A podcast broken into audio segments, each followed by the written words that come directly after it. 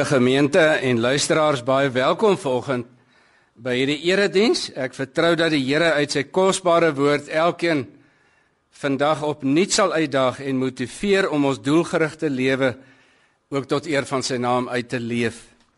Net so 'n bietjie oor ons gemeente. Klipview Baptiste Gemeente is geleë in Von Williegelaan, net na die kruising met Cornelweg in Klipview. Ons bestaan ongeveer 30 jaar vanjaar en ons streef daarna om God te verheerlik, Christus sentraal te plaas en onder leiding van die Heilige Gees deur die suiwerheid van sy onfeilbare en algenoegsame woord die evangelie te verkondig.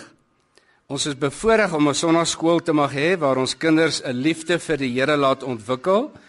Twee Bybelstudiegroepe op Woensdae en 'n tyd van vroeë oggendgebed op Saterdag.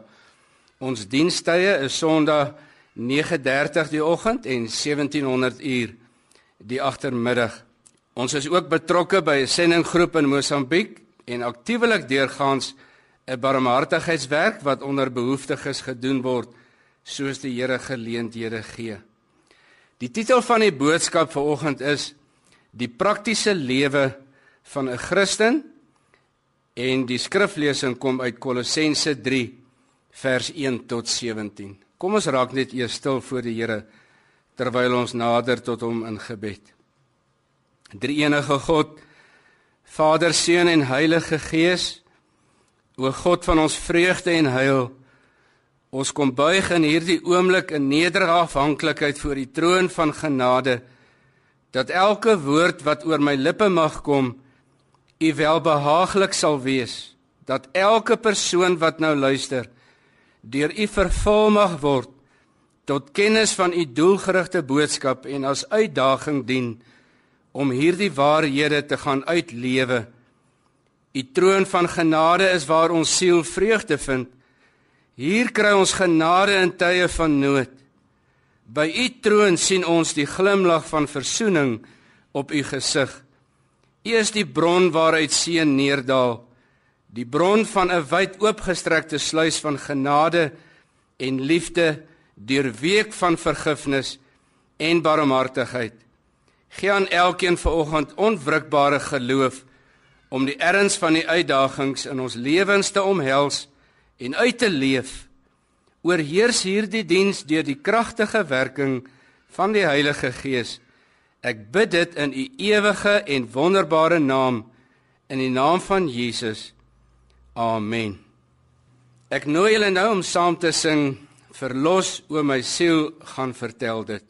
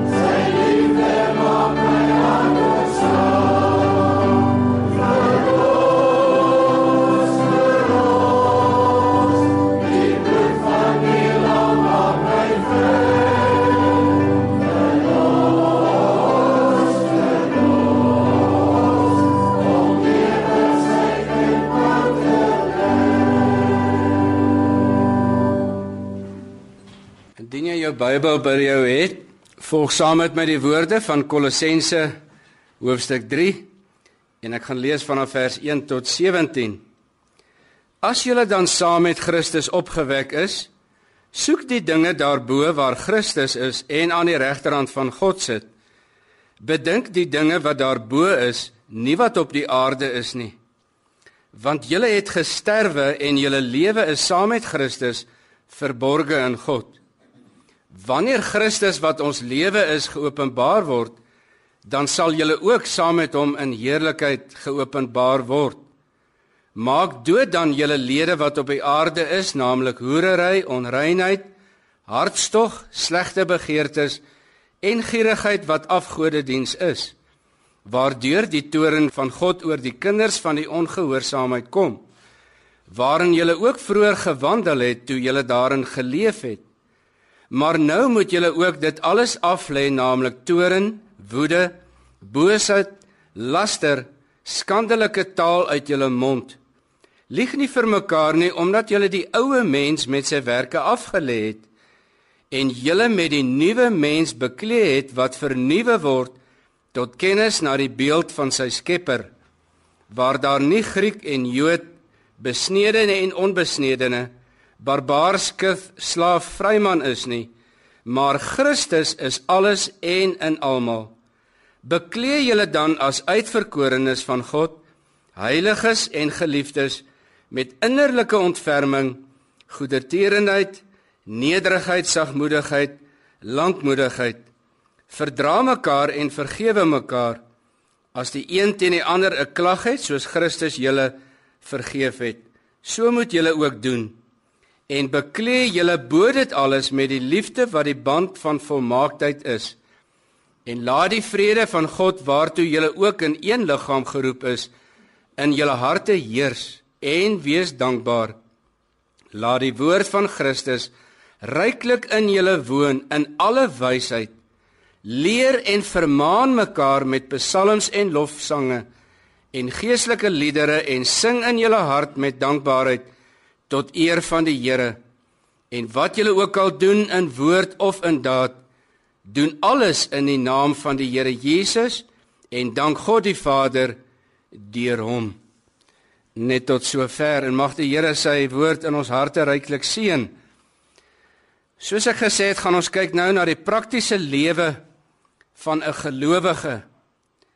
En eerstens wil ek gesels oor die regte fondament waarop Christene se lewens moet groei. So liewe gemeente en luisteraar, dis 'n baie belangrik om die Here se wegspring platform deur die hand van Paulus in hierdie derde hoofstuk van Kolossense baie duidelik raak te sien.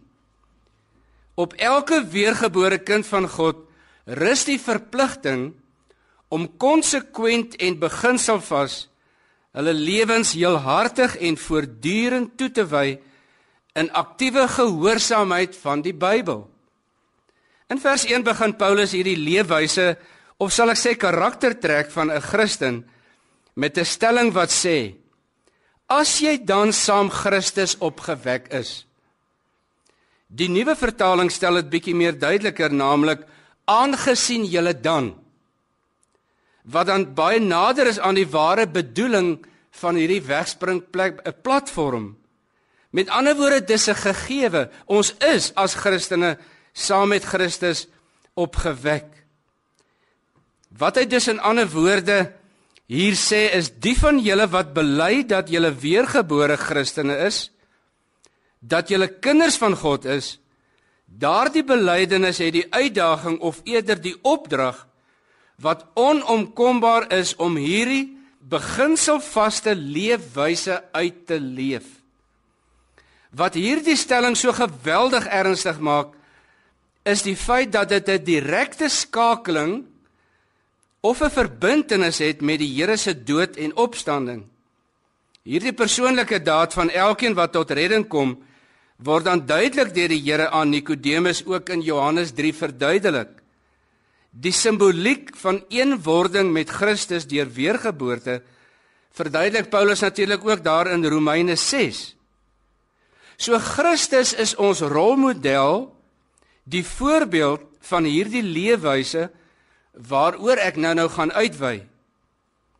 Hierdie eenwording met Christus word in vers 9 en 10 verduidelik soos iemand wat 'n kledingstuk aantrek. Jy word dus in hierdie kledingstuk gesien en hierdie kledingstuk vertoon jou uiterlike. Daar staan omdat jy die ou mens met sy werke afgelê het en julle met die nuwe mens bekleed het wat vernuwe word tot kennis na die beeld van sy Skepper. Nou as mens nou na hierdie van selfsprekende stand van 'n Christen kyk wat hom of haarself in Christus bevind, dan is die res 'n logiese verpligting wat op elke Christen rus. Lukas 6 vers 46 sê: En wat noem julle my Here, Here en doen nie wat ek sê nie? Die Bybel is dus baie duidelik oor ons verantwoordelikheid, maar ook betrokkenheid as kinders van God. Nou as ek dus hierdie hoofstuk kan afsluit, dan sal ek dit doen met die woorde: Elke Christen is dus verbind tot hierdie leefwyse as gevolg van die eenheid wat ons het met Christus of sal ek sê in Christus wat beteken dat dit sy beeld is wat jy dra. Soos wat daai kledingstuk die beeld is wat jy na ander mense toe uitstraal, so is Christus dan die beeld wat jy uitstraal deur die lewe wat jy leef ooreenkomstig van die woord van God wat hy vir ons gegee het. En hierdie is 'n leefwyse wat dan ooreen moet stem met ons redding. Tweedens kom ek by die praktiese uitdagings dan hiervan. En in ons praktiese uitdagings wat nou volg, kry ons die manier hoe ons dit moet doen en word ook ondersteun natuurlik deur die intensiteit van ons doelgerigte strewe. Die eerste praktiese uitdaging in vers 1 sê: Soek die dinge daarbo waar Christus is aan die regterhand van God sit. Nou in hierdie vers is die uitdaging baie duidelik dat elke Christen 'n persoonlike verantwoordelikheid en 'n persoonlike deelname hierin het in sy verhouding met die Here. Hierdie soektog het heelwat fasette in.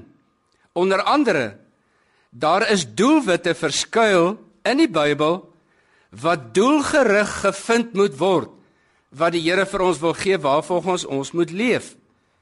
Daar is ook 'n onderskeidingsvermoë nodig sodat ons sal verstaan wat ons lees. Dit het die gevolg dat ons lewe uit 'n avontuurtog ook natuurlik bestaan. Dit forceer ons ook tot gebed. En laastens dit bevestig ook net weer die diepte, die wyte en rykdom van die woord van God. Nou dit is nou belangrik dat ons hierdie soekgedagte moet analiseer. Wat behels hierdie soeke? Dit beteken dat daar sekere verborgenhede in die Bybel en rondom ons geestelike lewe bestaan wat ontdek moet word, wat verstaan moet word sodat jy die regte inligting kry wat die Here van jou verwag. Ek het so 'n tyd terug gekyk na 'n dokumentêr oor mense wat nog op die primitiewe manier diamante en gouderts delf en hoe dat hulle die grond wat hulle uitgrawe hoopie vir hoopie eh, uitsif en uitwas en uitspoel en sorgvuldig bekyk hulle en soek die skatte wat hulle uiteindelik graag wil hê. En geliefde, dit is die manier hoe die Here van ons verwag om doelgerig te soek in die lewe wat hom welbehaaglik is in ons lewens hoe danig ons moet leef.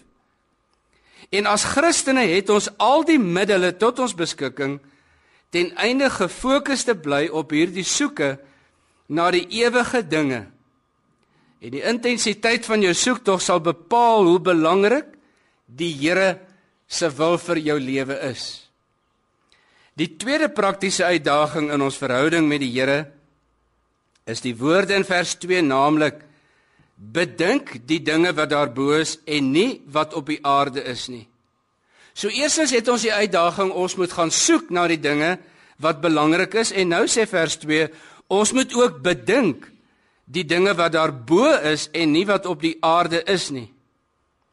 So met hierdie soeke na die Here se wil, na die waarheid van die woord, het ons dus nou die verantwoordelikheid om ons gedagtes doelgerig en volhardend te verwerk en te bepeins vir die toepassing daarvan in jou lewe. Nou hierdie skrifwaarhede moet meer en meer jou denke vul tot so 'n mate dat die aardse dinge minder en minder jou denke okkupeer. Nou is dit logies dat die Here dit nie sodanig bedoel het dat ek en jy voltyds dit so sal beset met die dinge wat daarbo is en die verwydering van aardse gedagtes dat ons nie meer 'n normale lewe het wat ons leef nie. Dis nie wat die Here hier in gedagte het nie. Ek glo die Here wil hê daar moet 'n balans in ons lewens wees dat ons aardse bestaan met al sy eise, die werk wat ons moet doen, besluite wat ons moet neem, dat alles oorheers moet word ook deur sy wil en die soeke na wat hy wil hê moet ek doen en hoe ek dit moet doen wat ek op die aarde doen. Met ander woorde, in die vordering van jou lewe moet jy die vermoë aankweek dat jy wel jou daaglikse werk en verpligtinge sodanig bestuur dat selfs daarin die Here gesien sal word en gestalte sal vind en mense sal onder kan onderskei dat jy die Here liefhet en dat jou werk belangrik is hoe danig jy dit doen volgens sy wil en wat hy van jou en my verwag as die stuurman van ons lewens. Dit bring my by die volgende vraag: Hoe word hierdie dinge daarbo teenoor die aardse dinge gedefinieer en geonderskei? Met ander woorde, wat beteken die dinge? Kom ons kyk eers na die Bybelse bewoording van dinge daarbo. Vers 1 koppel dit aan daar waar Christus tans aan die regterhand van die Vader sit, met ander woorde, daar in die hemel. Nou hierdie elemente bedoel nie fisiese of letterlike dinge in die hemel nie, maar dis slegs by wyse van beeldspraak wat Paulus dit so gebruik. Hierdie dinge het te maak met Christus se soewereine beheer en regering oor die heelal soos wat hy dit met sy krag en majesteit vul. Dit gaan met ander woorde oor sy karakter, sy wese, sy heiligheid, sy standaarde, sy verwagtinge van ons as mens, hoe danig sy heerlikheid deur ons lewens moet weerspieël. Met ander woorde, die dinge daarbo is alles wat ons in die Bybel sal vind rakende die drie-enige God met al die geestelike aspekte wat ons lewens moet vorm. Nou hierdie dinge daarbo word vanaf vers 12 tot vers 17 uiteengesit. Ek gaan dit nie weer lees nie. Dis nou die geestelike aspekte wat ons in hierdie hoofstuk 3 van Kolossense aantref. Nou hierdie dinge is eintlik legio. Want na mate jy die Bybel bestudeer, na mate kry jy die groei van hierdie belange waartoe ons geestelik moet groei. Om dus na hierdie dinge te soek en te bedink en toe te pas, het dit die effek dat jy nader aan die troon van die genade van God kom. Die woorde in vers 1 wat dan sê waar Christus is aan die regterhand van God sit, wil ons eintlik dus bemoedig en hoop gee oor die nabyheid van Christus as middelaar om vir ons direk in te tree by die Vader troon. God die Vader het hom alle mag oor die heelal gegee en omdat hy as hoëpriester nou vir ons as bemiddelaar intree en volgens Hebreërs 4 vers 15 wat sê want ons het nie 'n hoëpriester wat nie met ons swakhede medelee kan hê nie maar een wat in alle opsigte versoek is net soos ons maar sonder sonde ons het dus nou die vrymoedigheid om na God se troon toe te kan gaan vir hulp, vir wysheid, vir wat moet ons doen in hierdie lewe en hoe ons dit moet uitlewe. Baie mense ervaar hierdie soeke en uitleef van geestelike aspekte as moeilik en voel hulle onseker of hulle die krag gaan hê om daarna te gaan soek of dit na te streef. Nou geliefde luisteraar, die bemoediging hierin lê in wat Paulus in Filippense 2 vers 13 sê.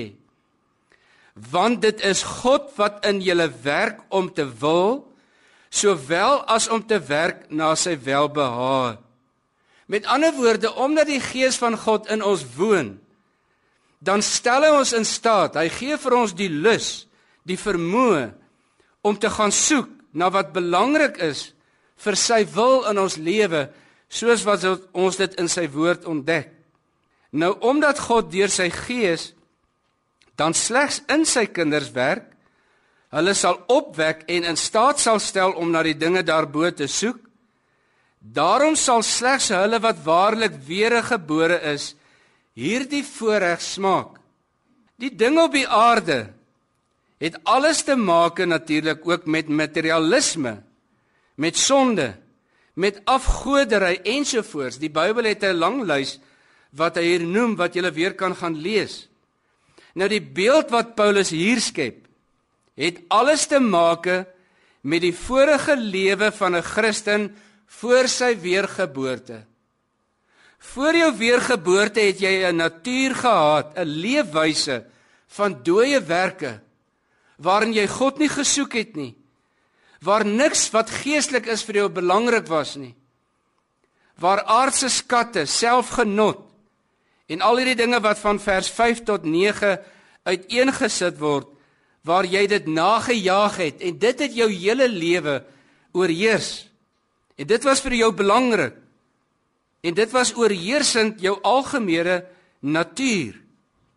Wat nou egter belangrik is, is dat 'n Christen 'n verantwoordelikheid het om daardie element of daardie identiteit tussen hier wat hy vir ons hier vertel te skilder deur die gelykvormigheid aan Christus om dit aan te neem En dit gee dan vir ons dan die uitdaging en die strewe wat in ons lewe voortdurend moet wees om dit wat negatief was, dit wat die ou lewe opgeleef het, af te sterwe, dit daagliks af te lê by die Here se troon van genade om vorentoe te kyk soos wat Paulus gesê het, ons kyk wat agter is verby en ons streef na wat voor is om die Here te verheerlik. In vers 3 sien ons want julle het gesterwe en julle lewe is saam met Christus verborge in God. En dit is hoekom dit so belangrik is. Dat ons moet besef ons ou lewe as die Bybel sê is afgesterwe beteken dit jy kan nie meer teruggaan dat die natuur na dit wat belangrik was vir jou wat verkeerd was in jou ou lewe nie. En daarom vergelyk hy die simboliek van sterwe sodat ons 'n nuwe lewe in opstanding met die Here kan lewe alles volgens die wil van die Here wat vir hom dan belangrik is. Daarom is dit so belangrik dat ons nou gaan kyk na die praktiese verantwoordelikhede tot hierdie identiteit van ware Christen wees. Hier is 'n paar kernwoorde wat die verantwoordelikheid op elke Christen plaas tot die hierdie eis om jou Christelike identiteit te handhaaf. Baie mense glo dis uitsluitlik die werk van die Heilige Gees. En sy geestelike lewe leef hy onbetrokke en sonder verantwoordelikheidsbesef uit. En en geliefde, ons het 'n verantwoordelikheid om self hierdie lewe wat die Here vir ons na toe geroep het, na te gaan streef. En kom ons kyk na enkele woorde weer wat in hierdie gedeelte uitstaan wat die Here vir ons gee as praktiese riglyne. Vers 1 het gesê: "Soek die dinge daarbo." En geliefde, dit is 'n bewys dat ek en jy het die verantwoordelikheid om te gaan soek deur die leiding natuurlik van die Heilige Gees in sy woord na wat is belangrik, wat is die dinge daarbo. Vers het ons ook gelees bedink die dinge daarbo met ander woorde jou gedagtes moet jy so inrig dat dit meer en meer gelykvormig moet word aan wat Christus wil hê. Wat hy wil hê moet ons oordink. Wat moet my denke meer en meer okkupeer? Dan in vers 5 maak dood. En dan gee vir ons 'n sondige 'n lys van sondige praktyke. Nou hierdie doodmaak, geliefdes, is weer eens 'n persoonlike verantwoordelikheid wat ek en jy het om dinge uit ons lewens uit te verwyder. En dit kry ons reg natuurlik deur gebed, deur die krag van die Heilige Gees. Vers 8: Lê af. En dan is daar weer 'n paar aspekte. En hierdie aflegging beteken dit is dinge wat in jou lewe in die ou lewe te voorskyn kom wat hier en daar weer wil uitspring wat hy sê jy moet dit af lê. So dit is jou en my se verantwoordelikheid om klaar te maak met dit wat die Here nie mee tevrede is nie. Vers 12 meer positief. Beklee julle dan dan sien ons 'n geestelike karaktertrekke lys ook wat hy vir ons gee. En dit het hierdie 'n uh, beeld wat ek net nou vir julle gesê het van die klere aantrek, beklee julle. Met ander woorde, neem meer en meer aan, maak dit deel. Gee dat dit wat wat die Here vir jou gee wat jy moet uitleef, dat dit sigbaar sal word in die manier hoe jy optree, hoe jy uitleef die lewe daar buite. En dan die laaste een sien ons in vers 16: leer en vermaan mekaar. Liewe luisteraar, ons het 'n pligsbesef hier as medegelowiges om mekaar aan te spoor, mekaar te motiveer en mekaar ook te bemoedig met die waarhede van die woord. Ons vind dus hier 'n doelgerigte persoonlike aanspreeklikheid om tot geestelike volwassenheid te kan kom. Niemand is sondeloos natuurlik na weergeboorte nie, nog minder is niemand volmaak daarna nie. Hierdie identiteit wat in gelowiges sigbaar moet wees, is 'n ewigdurende groeiproses wat deur die Heilige Gees in ons bewerk word. Ek dink dit was die welbekende C.L. Spurgeon wat die lewensloop van 'n Christen op pad na sy eindbestemming in die hemel vergelyk het met 'n trein wat op twee spore hardloop. En hierdie twee spore loop parallel langs mekaar En sodra jy die een spoor wegneem, dan sal die trein natuurlik ontspoor. En dit stel ons lewens voor dat die Heilige Gees die een spoor is en ek en jy die ander spoor en gesamentlik leef ons 'n lewe doelgerig op pad na ons ewige bestemming. Nou wat hierdie persoonlike betrokkenheid so belangrik maak is omdat vers 3 sê Julle lewe is saam met Christus verborge in God. Nou luister nou baie mooi, liewe gemeente en luisteraar.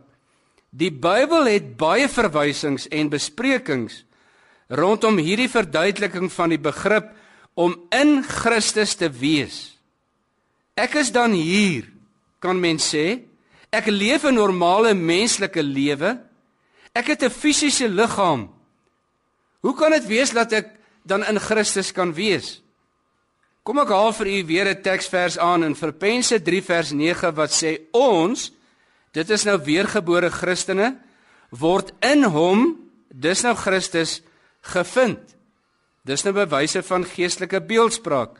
Galasiërs 2 vers 20 sê ek is met Christus gekruisig. Ek leef nie meer nie, maar Christus leef in my. En wat ek nou in die vlees lewe, leef ek deur die geloof in die seun van God wat my liefgehad het en homself vir my oorgegee het. Hierdie geestelike dimensie is vir die menslike oog natuurlik onsigbaar. Tog glo jy dit heel hartig omdat die Bybel so sê. Wat dit eintlik in effek beteken is dat wanneer God die Vader na jou kyk en jouself beoordeel, dan sien hy Christus die vlekkelose lam van God raak. En omdat jy in Christus is, beteken dit dan dat Christus se heiligheid, sy geregtigheid word aan jou uit genade gekrediteer. Jou stand voor God is dus volmaak, maar tog het ons die persoonlike verantwoordelikheid om voortdurend daarna te strewe volgens hierdie opneem en afleggingsfasette wat Paulus hier in hoofstuk 3 uiteensit. 'n Ander bemoedigende aspek van die feit dat gelowiges in Christus bevind word, waarborg dus jou sekuriteit in die Here. En dan word Johannes se woorde so belangrik in Johannes 10 vers 28 waar hy sê en ek gee hulle die ewige lewe en hulle sal nooit verlore gaan tot in ewigheid nie en niemand sal hulle uit my hand ruk nie. Nou wat hierdie opdrag aan jou en my so dringend en so ernstig maak is omdat Petrus 3 vers 10 en 11 die volgende sê Maar die dag van die Here sal kom soos 'n dief in die nag, waarin die hemele met gedruis sal verbygaan en die elemente sal brand en vergaan en die aarde en die werke wat daarop is sal verbrand. Terwyl al hierdie dinge dan vergaan, hoe danig moet julle nie wees in heilige wandel en godsvrug nie. En dan verder geliefdes, die hoofrede Hoekom dit dan ook belangrik is tot hierdie heiligmakingslewe is wat Paulus in vers 10 vir ons sê dat julle wat vernuwe word tot kennis na die beeld van sy Skepper. Nou liewe luisteraar en gemeente, ek en jy as kinders van die Here is 'n beeld van die Skepper.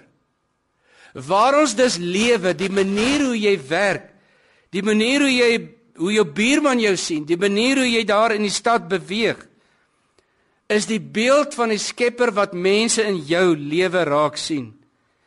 En daarom is dit so belangrik dat ons hierdie vorige wêreldse identiteit van sonde nie verder mee in kan voortleef nie, maar in die suiwere woord van God te gaan soek.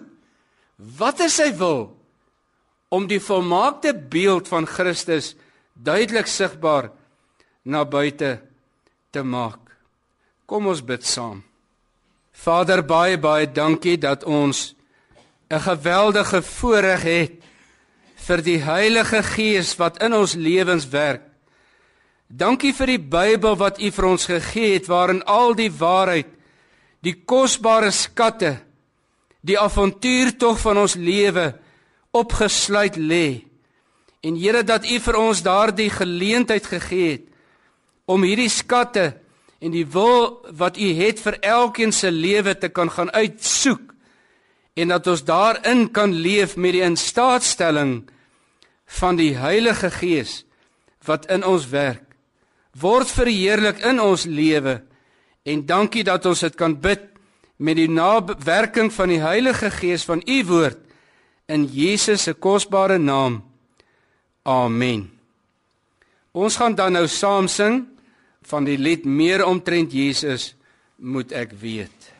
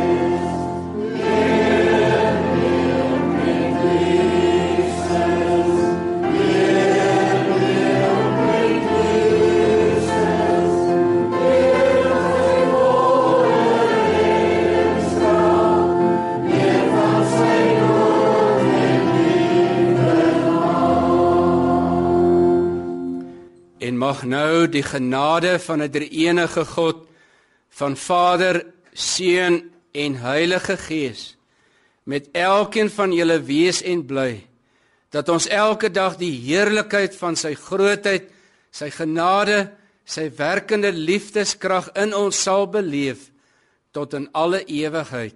Amen.